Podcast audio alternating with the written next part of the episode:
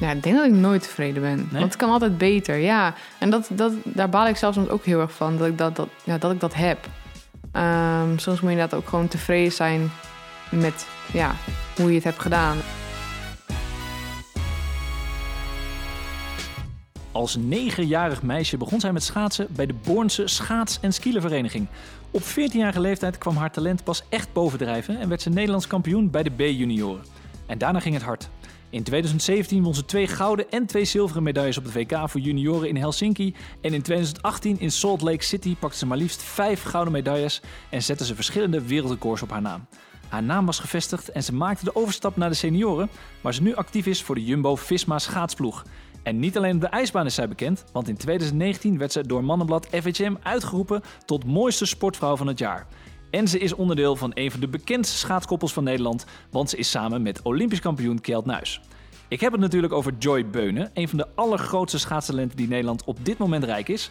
En vandaag praat ik uitgebreid met haar verder. Mijn naam is Thijs van Dijk en dit is Held de podcast. Joy, welkom. Leuk dat we hier uh, mochten zijn in het altijd pittoreske en mooie Friesland. Ja, leuk dat jullie er zijn. ja, dankjewel. Nou, um, elke aflevering trappen we eigenlijk af met een aantal stellingen voor onze gast. En ik wil je van nu even vragen om alleen ja of nee of eens of oneens te antwoorden. En er nog niet dieper op in te gaan, hoe groot die verleiding misschien ook is.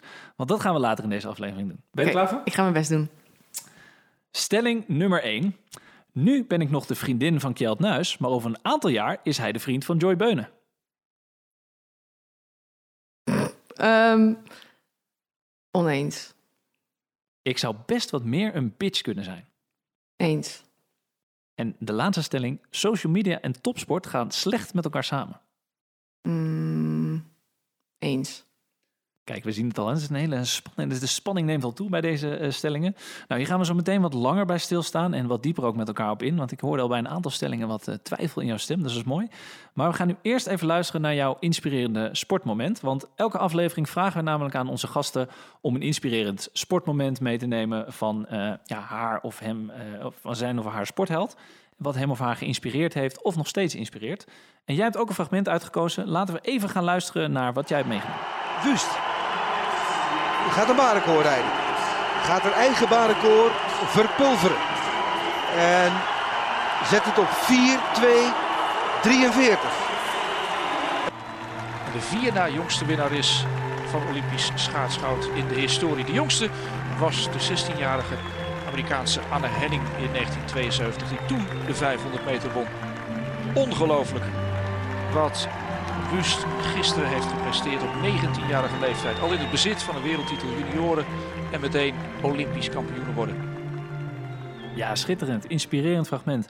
Maar Joy, vertel even waar we net naar zitten luisteren met, uh, met z'n allen. Nou, het was uh, Irene Wust in Turijn, uh, 2006 volgens mij. Um, waar zij eerst de gouden medaille pakte op de Olympische Spelen. En dat was voor mij heel erg inspirerend. Ik was toen nou, ik kom uit 1999, dus ik was toen zeven jaar. Um, toen was ik nog eens begonnen met schaatsen, maar ik keek het al wel. Um, wat ik dan zo mooi vind nu, is zeg maar... Um, dat ik nu tegen haar schaats, zeg maar. Ik ben nu ondertussen nu 22. nou, en zij wil nog één keer gaan shinen, zeg maar, op de Olympische Spelen. En uh, nou, dat wil ik nu ook voor het eerst. Want uh, ja, ik ben nu op de leeftijd dat ik, uh, dat ik het ook graag wil gaan halen dit jaar. Um, dus ja, nu gaan we tegen elkaar battelen. En welke eigenschappen van, van Irene zie jij nu in jezelf terug of zou je in jezelf terug willen zien? Nou, ik ben wel echt, um, echt heel erg gedreven. Uh, ik denk dat zij dat ook echt wel is. Um, ja, vaak kan ik nog wel net even iets meer voor mezelf kiezen dan, uh, dan voor een ander. Maar ja, ik zie gewoon dat zij echt het hart voor de sport heeft. Uh, en dat heb ik ook zeker. Je zit natuurlijk nu met haar ook samen in de ploeg. En hoe inspireert zijn jou nou als ploeggenoot? Praten nou, jullie nou met elkaar over? We zitten niet bij elkaar in de ploeg. Want zij zit bij Reggeborg, ah, ik zit bij Jumbo-Visma. Ja, inderdaad. Ja, ja uh, we zitten wel bij elkaar in de teampursuit Dus uh, ja, ze zit bij, ze zit bij Kjeld in het team. Uh, dus dat is soms nog wel eens grappig. Dat ik denk van ja, hoezo ga je haar nou helpen? Maar eh, ja, hij heeft geen keus. zij kiest ook voor om ja, achter hem te gaan zitten. En dat snap ik ook zeker. Um, ik probeer ook zo goed mogelijk gebruik te maken van mijn teamgenoten om de beste te worden. Um, maar dat is dan nog wel eens, ja, iets waar we het thuis over hebben van, uh, ja, uh, dan uh, zie ik Wust achter jou rijden. Maar Nou, dat hoort niet, hè, weet je wel. Maar ja, hij heeft geen keus. Nee, precies. Hij zit nu eenmaal in dezelfde ploeg. Maar, Ja. eh, en als je dan naar, nu naar haar als eh, sporter kijkt... eh, en dan in de team pursuit of bij de andere ploeg... ehm, wat neem je dan van haar mee? Nee, ze is gewoon de beste Olympiër aller tijden bij de, ja, eh, in het schaatsen. En dat wil ik ook bereiken. En dat heeft ze niet zomaar... Ja, dat, dat komt niet zomaar. Dus gewoon, ze is gewoon ontzettend gedreven. En dat ben ik ook. Dus ik hoop ook eh, dat ik er voorbij ga. En zie je haar ook als een held, eigenlijk? Een schaatsheld? Ja, ik zie er wel als een schaatsheld. Ik denk dat ze echt een heel goed voorbeeld is voor velen. En eh, zeker voor de jeugd die nu nog komt, gaat komen, zeg maar. Dat ze dat echt nog wel is. En naast die gedrevenheid, wat zijn nog andere dingen die, dan, die dat dan een voorbeeld maken voor jou? Oh, goede vraag. Die heb ik niet over nagedacht. Kun je rustig doen. Wat, nou, ze is heel gedreven, dat is natuurlijk mooi. Maar zitten er ook dingen in haar persoonlijkheid? Hoe zij omgaat op de baan, hoe zij omgaat met eh, de druk, de media? Ja, tuurlijk, met de media is ze, is ze veel beter dan ik. Maar dat komt omdat ze ook al veel meer ervaring heeft. Ik denk dat zij aan het begin van de, van de carrière ook niet zo goed voor de media was als dat ze nu is. Ehm, dat zijn zeker dingen die ik nog moet gaan leren. Ehm, zeker omgaan met de druk. Ik denk dat zij ook nog steeds net zo zenuwachtig is als de eerste wedstrijd die ze reed. Ehm daar ben ik ook heel erg. Ik kan, soms kan ik ook best wel moeilijk omgaan met, met, die, met die zenuwen. Ehm, ik hoop inderdaad dat dat nog gaat komen. Dat dat ooit een keer, eh, dat ik dat een keer onder de knie heb. Maar aan de andere kant, die zenuwen en die, die spanning, ik noem het vaak gewoon gezonde spanning, ga, ja, zet me wel scherp. Ehm, dus ja, ik, ik ja, en als ik zo, als ik mezelf zo hoor, denk ik, nou, wat onervaren ben je eigenlijk. Maar uh, ja, ik leer, ik leer ieder jaar weer steeds meer. Uh, en ik ben er ook zeker heel erg druk mee bezig. Uh, ook op mentaal gebied. Um, dus ik hoop dat ik daar nog heel veel in mag leren. Nou, we hadden het ook al eerder over. Hè? Kijk, Irene Wüst werd in 2019 volgens mij ook um, op de 1500 meter reed zij ook. En dan reden jullie samen op dat WK. Uh, en, uh, maar dat was natuurlijk ook een extra bijzondere race voor Irene. Ook vanwege het, uh, het overlijden van haar goede vriendin Pauline. Hoe kijk jij terug op die race? Dat heb je natuurlijk live meegemaakt. Ja, ik heb het live meegemaakt en het was zeker een kippenvel moment. En op dat moment, ja, klinkt heel stom, maar dan je gunt het haar wel.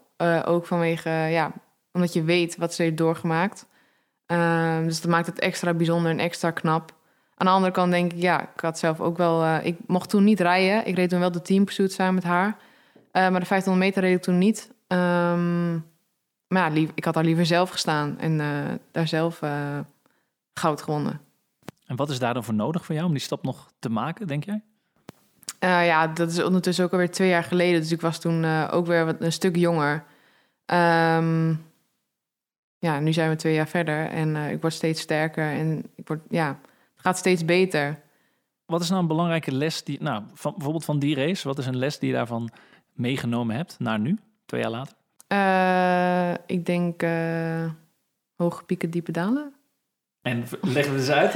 Nou, ik, ja, je maakt het natuurlijk wel een soort van, van dichtbij mee. je ziet hoe, ja, hoe heftig dat voor haar was en uh, hoe, hoeveel het haar kostte. En uh, nou ja, dat je dan zo terug kan komen op zo'n WK, dat, uh, dat maakt je, nou, dan denk je echt wel wat een ubermens. Maar... Nou, we hebben het natuurlijk net gehad over Irene als persoon en hoe die jou geïnspireerd heeft en nog steeds inspireert. Je noemde al de term ubermens. Waar ik natuurlijk ook wel benieuwd naar ben, is wat is dan jouw kracht of jouw onderscheidend vermogen als schaatser?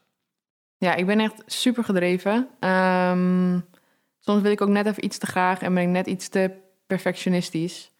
Uh, laatst maakte Jacco al de grap van... Uh, ja, jij, uh, jij hebt het nooit zwaar, weet je wel. Jij, jij kan alles aan, je bent nooit ziek, weet je wel, dat soort dingen. Um, ik wil graag altijd doorgaan en ik ja, ben inderdaad nooit moe.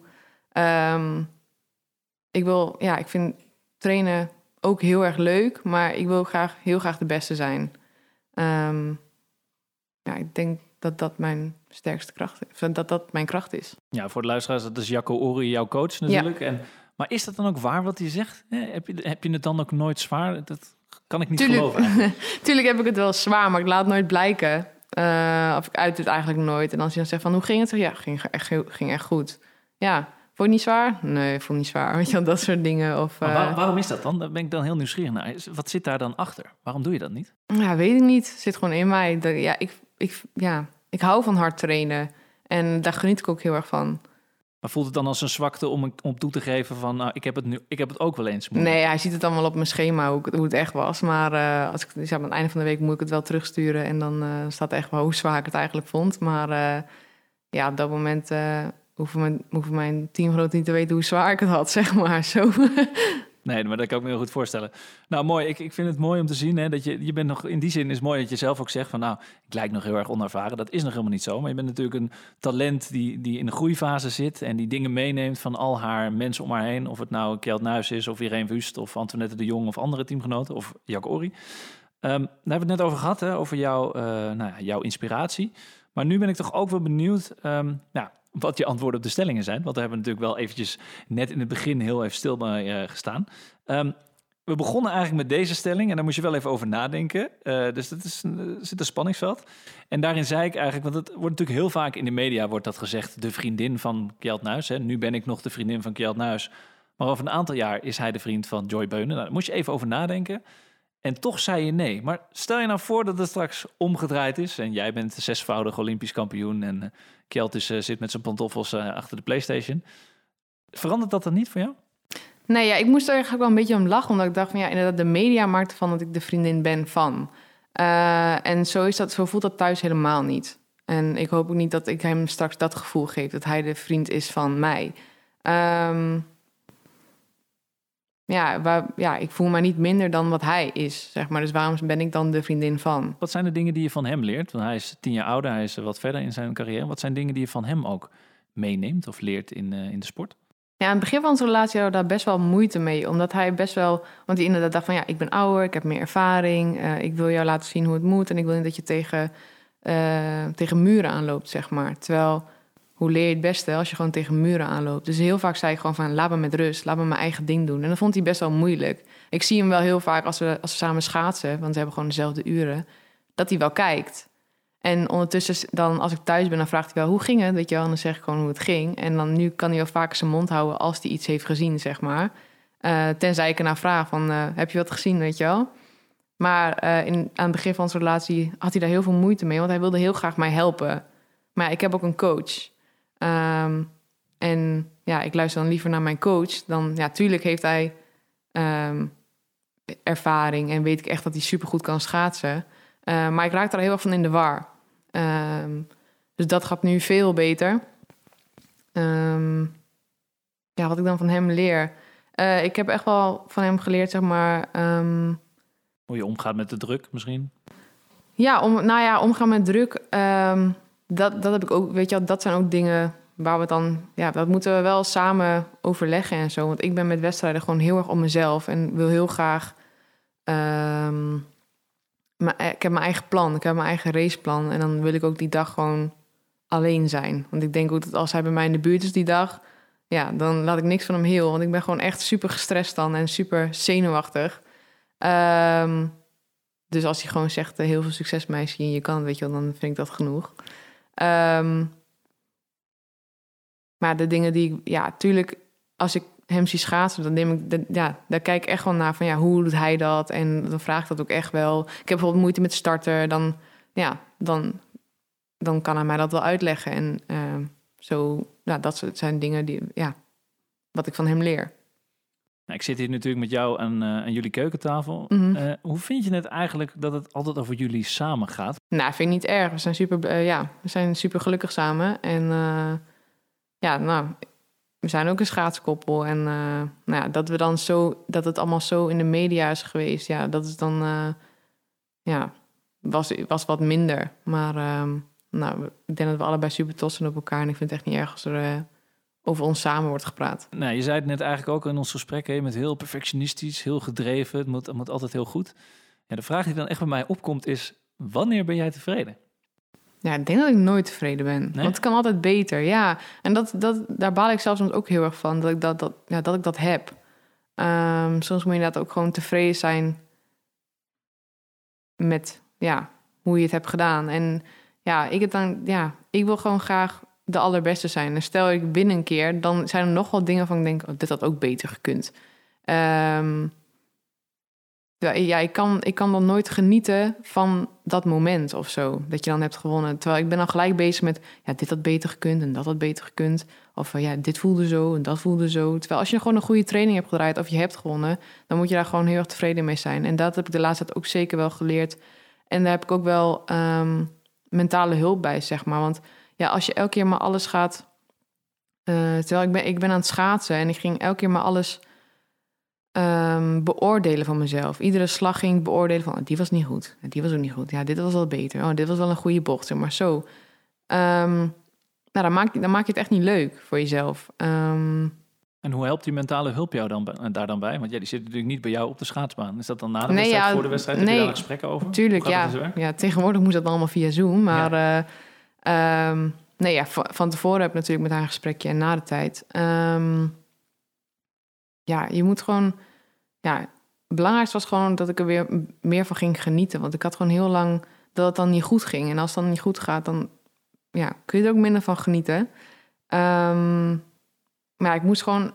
Um, het, begon, ja, het begon gewoon in kleine stapjes, zeg maar. Gewoon eerst met trainingen, zeg maar dat je dan gewoon uh, de goede punten eruit haalt. En niet elke keer al die slechte dingen eruit haalt en zo. En zo stapje voor stapje, ja, ging het weer steeds beter. En nou ja, van af en toe mag je best trots op jezelf zijn. Ja, Joy. precies. Absoluut. Nou, kijk, maar de, de grap is, je hebt bij de junioren natuurlijk nou, heel veel gewonnen, heel veel wereldrecords op je naam staan. Nou, stel nou een scenario dat dit hetzelfde gaat gebeuren uh, bij de senioren. Over een paar jaar zit ik hier weer en dan uh, praten, dan kijken we naar momenten van jou terug in plaats van uh, Irene Wust. Heb je mhm. vier wereldrecords, heb je Olympische medailles gewonnen. Ben je dan tevreden? Ja, maar dan ben ik nog niet klaar met mijn, met mijn schaatscarrière. Dus maar wanneer, wanneer ben je dat? Nee, precies, maar je bent nog niet klaar. Maar is, is dat het moment dat je kunt zeggen: Ik ben trots, ik ben wel blij, ik ben tevreden daarmee? Of is het, is het een soort van summum? Ja, wat, is, is er een eindpunt eigenlijk? Dat is wat ik Weet ik niet of er een eindpunt is. Ik denk, dat pas, ik denk dat dat pas landt als ik ooit een keer gestopt ben, denk ik. Ja, bestaat er iets voor jou als de perfecte race? Oeh. Ik weet het niet. Ja, stel je rijdt een wereldrecord, dan ben je de beste ooit. Maar ja, het kan altijd dan nog harder, denk ik dan. Ja, de wereldrecords zijn natuurlijk altijd om uh, verbroken te worden. Die precies. dus ja, eh, wat is dan de perfecte race? Dat weet ik niet. Mooi. Nou, het, is een interessante, het is een interessante discussie. Ik hoop dat wij hier over een aantal jaar uh, weer met elkaar over praten. Maar mhm. ik wil even met je doorgaan naar de volgende stelling... die er eigenlijk ook een beetje verband mee houdt. Hè? Je perfectionisme, je gedrevenheid. En daar zei je eigenlijk best wel stellig ja op. Nou, volgens mij heb ik het ook al een keer ergens gezegd...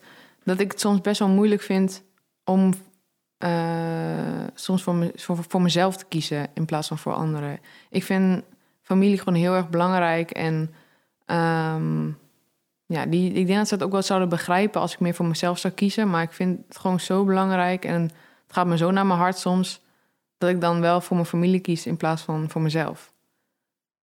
En in de sport, heb je, hoe doe je dat in de sport dan? Nee, in de sport kies ik wel voor mezelf. Ja, dus je hebt eigenlijk Joy de sporter en uh, Joy de persoon. Daar zit nog een wereld van uh, Ja, maar ik wil geen bitch zijn naar mijn familie. En soms ja, moet dat gewoon, denk ik. Dat zouden ze denk ik echt wel begrijpen. Dat ze zouden zeggen van ja, weet je, we snappen het dat je, dat je voor jezelf kiest. Alleen, uh, ja, ik, dat, ik kan familie soms moeilijk scheiden van sport. Ja, het is toch een beetje wat je in interviews vaker hebt gezegd van ik wil mensen heel graag pleasen en heel graag dat mensen blij zijn, toch? Bijvoorbeeld, van, uh, ja. ja. Nou ja, mensen, dat is gewoon mijn familie, mijn vriend, zeg maar. Ja, de, ja, die wil ik gewoon graag gelukkig zien. Dat is voor mij ook heel belangrijk. Interessant dat daar dus zo'n uh, nou, verschil tussen zit. Tussen van in de sport dat je zegt van nou, ik weet heel duidelijk van hoe ik dat ga doen. Hè? Die, die winnaarsmentaliteit die je dan, dan hebt. Hè? Want ik zeg natuurlijk ook wel eens in, uh, om de wereldtop te halen en te blijven, heb je die killersmentaliteit ook wel nodig, toch? Om, om bitch te zijn, om, om te slagen. Is er iemand in de schaatsport waarvan je zegt, wauw, dat is een soort voorbeeld voor mij. Dat, zo zou ik ook wat meer willen zijn. Oh, dat weet ik niet goed. Ik weet namelijk niet hoe zij thuis zijn.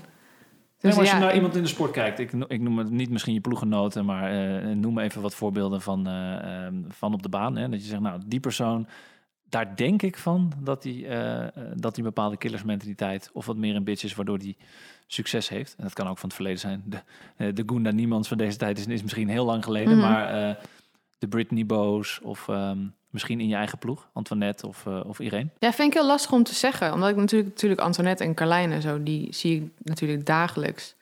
Um,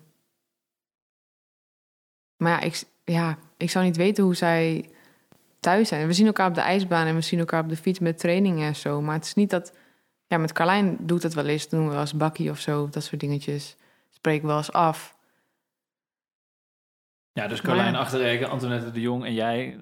Goed, laten we het even focussen op de, de, de ijsbaan. Want natuurlijk Mhm. weet je niet hoe ze thuis zijn, weet ik ook niet. Nee. Ehm, maar wa- wat maakt jou dan anders op de, de baan dan, dan zij? Of wat zou je van hun mee willen nemen? Vind, vind je dat zij bitchy zijn?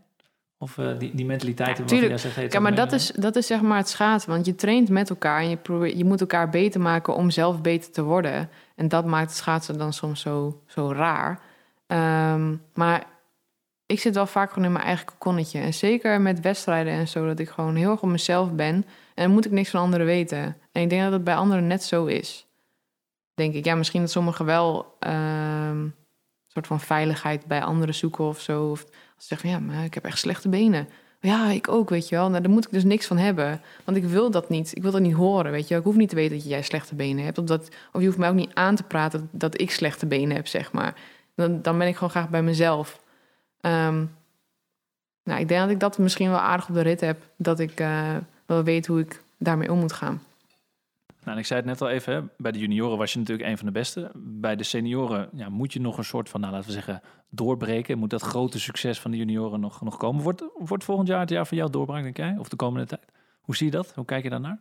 Nou, ik voel me, hoe het nu gaat, zeg maar, voel ja, heb ik er zeker wel vertrouwen in. Ehm, moet het wel zo door blijven gaan, maar ja, ik denk dat ik echt op de goede weg ben. En eh, ik heb daar ook zeker wel vertrouwen in. Heel mooi. Nou ja, goed. En dan even de, de stap van, eh, van de sport, van jouw persoonlijkheid. eh, wat meer naar eigenlijk, weet je, nou ja, de wereld waar we nu in leven. Hè, van social media versus, versus real life. En ik zei eigenlijk aan het begin, zei ik, ja, social media en topsport gaan slecht samen. Nou, daar moest je lang over nadenken. Jij zei daarop.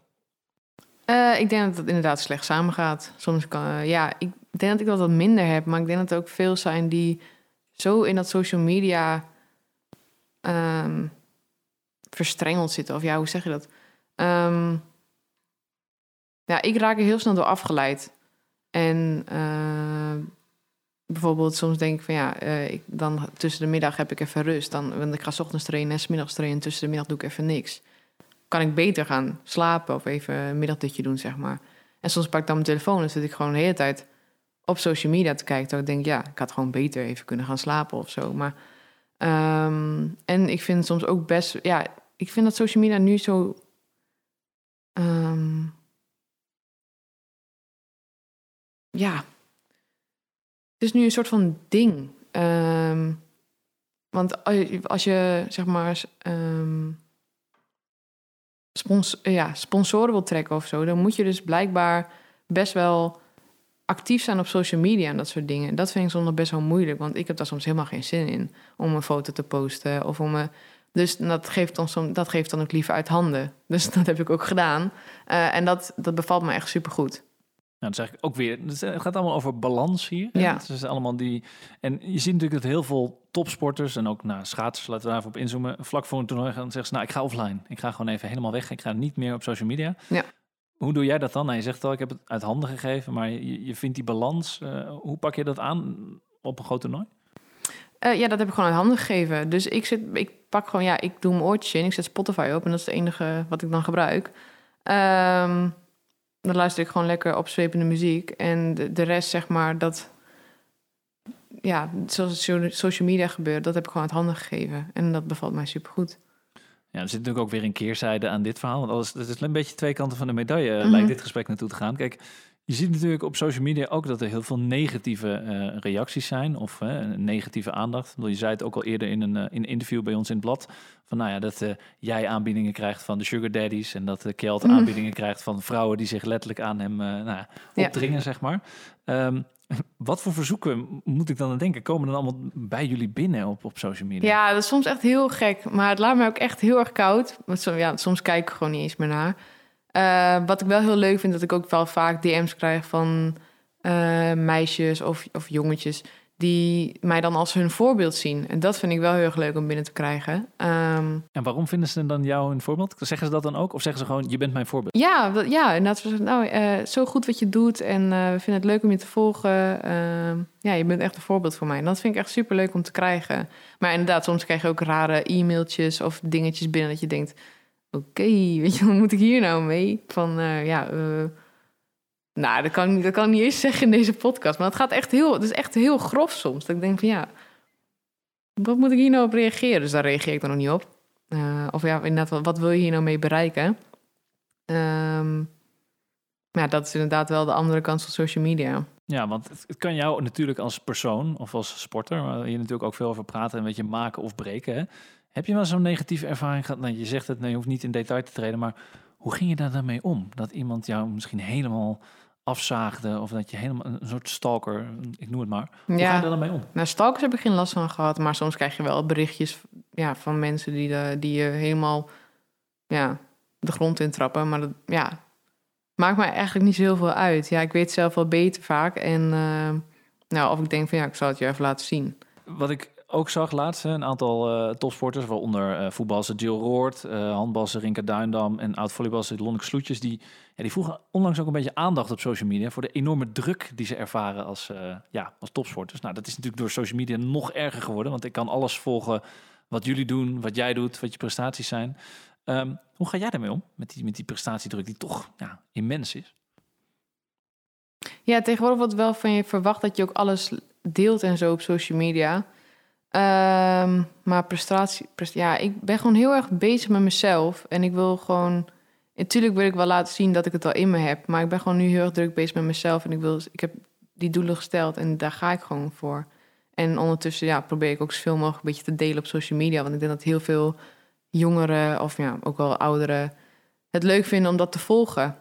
Ehm, maar ik ben, ja, ik ben gewoon heel erg druk bezig om mijn doelen te halen. Om even naar de kern van deze eh, stelling te gaan voordat we ja, naar de inspiratie van de toekomst gaan. Jij zegt, ja, het, gaat, het gaat toch niet samen. Waarom gaat het dan toch niet echt samen, die topsport in de social media? Je kunt niet op beide niveaus blijven presteren, als ik je goed begrijp. Is dat wat het is? Nee, maar ja, hoe, hoe wil je als je... Ja, je hebt dan eh, je wedstrijd gereden. Je moet daarna nog een keer. En je moet dan ook op social media delen dat je dat en dat hebt gedaan, weet je wel? Ja, dat kan niet. En ik ga ook niet... ehm, ja, ik, als ik bezig ben met mijn wedstrijden of met trainingen... dan ben ik gewoon bezig met mezelf. En dan wil ik even niet dat social media gedoe hebben. Maar er zijn wel veel mensen die het willen volgen. Dus dan moet je eigenlijk wel... Ja, dan moet je dat wel op je Instagram of op je, op je socials hebben staan. Dus als ik dat uit handen heb gegeven, dan is dat super chill. Ja, dus jij wilt je gewoon helemaal focussen op je, je top, topsportprestatie. En die wil je best wel delen. Ja. Maar je wilt er zelf niet te veel mee bezig zijn, omdat je lekker in je eigen bubbel Nou, en cocon wil zitten precies. om te Ja, focussen. toch? Als ik het Precies. goed begrijp. Nou, dat. Nou, en dan eh, met het oog op de toekomst. Ehm, ik ben ook heel erg benieuwd. Hè? Nou, je, bent zelf nog heel jong, maar ehm, als je nu kijkt, hè, die mensen die jou zeggen, ik ben jouw voorbeeld. Hoe inspireer jij nu jonge mensen, de jonge generatie? Hoe, hoe doe je dat? Ben je daar actief mee bezig? Ja, vind ik grappig. Want ja, ik ben er eigenlijk helemaal niet zo heel actief mee bezig. En ik vind het ook wel heel grappig dat heel veel jongeren dan zeggen van... Ja, je bent mijn voorbeeld en je bent een... Ja, je bent mijn inspiratie. Terwijl ik denk, ja, nou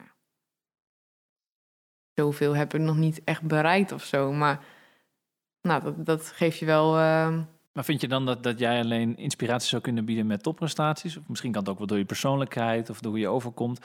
Wat voor dingen roepen ze dan? Want het is natuurlijk altijd, ja, je bent mijn voorbeeld, je bent mijn inspiratie. Zijn Ja. er dan dingen waarvan ze zeggen, waarom dat dan zo is? nee, dat heb ik echt nog nooit gehoord. Dus ja, dat zou leuk zijn. Als is goede dat vraag eens om een Ja. dan naar je volgers te stellen. Ja. Zo van, nou, waarom vinden jullie dat Ja, eigenlijk? nou precies, inderdaad. Ja. Het zou leuk zijn. Nou Joyce, stel dat we hier nou over 20 jaar weer zitten. Hè? Eh, hoe zou jij nou als Joy Beunen over 20 jaar herinnerd willen worden eh, in de topsport? Of als persoon? Nou, ik zou willen dat ik herinnerd zou worden als dat ze zouden zeggen van ja, dat is een topsporter in hart en nieren. Mooi. En wat betekent dat dan in, in hart en nieren? Hoe uitzicht dat dan voor mij als eh, kijker of luisteraar of fan? Nou ja, dat betekent dan dat ehm, dat ze dat ja van ja, dat is een topsporter die heeft echt alles gegeven in de carrière om de beste alle tijd te worden. Dus eigenlijk dat je straks in één adem genoemd wordt met Irene, Sven, Kjeld en Joy, als ik je goed begrepen heb. Ja, precies. Joy, ik heb hier een tegeltje voor je liggen en daar mag je eigenlijk jouw lijfspreuk of jouw levensmotto opschrijven. En dat wordt dan eigenlijk jouw boodschap aan de wereld die we ook echt zullen gaan vereeuwigen bij Helden aan de Muur. En wat is de les die jij mee zou willen geven aan de volgende generaties of jouw lijfspreuk? Nou, wat ik zou willen opschrijven op het tegeltje is uh, vallen en opstaan, kroontje recht zetten en doorgaan. Dat is iets wat mijn moeder altijd tegen me zegt en uh, wat echt zeker bij mij past. Prachtige spreuk. Nou, schrijf hem rustig op. Joy Beunen, heel erg bedankt uh, voor je komst aan de studio. Dit was Helder de podcast en deze aflevering is terug te vinden op www.helder.media podcast. Volg onze social media kanalen en blijf op de hoogte van het laatste nieuws. Laat gerust een review achter of een reactie en laat ons vooral weten wat je van deze aflevering vond. Mijn naam is Thijs van Dijk en tot de volgende keer.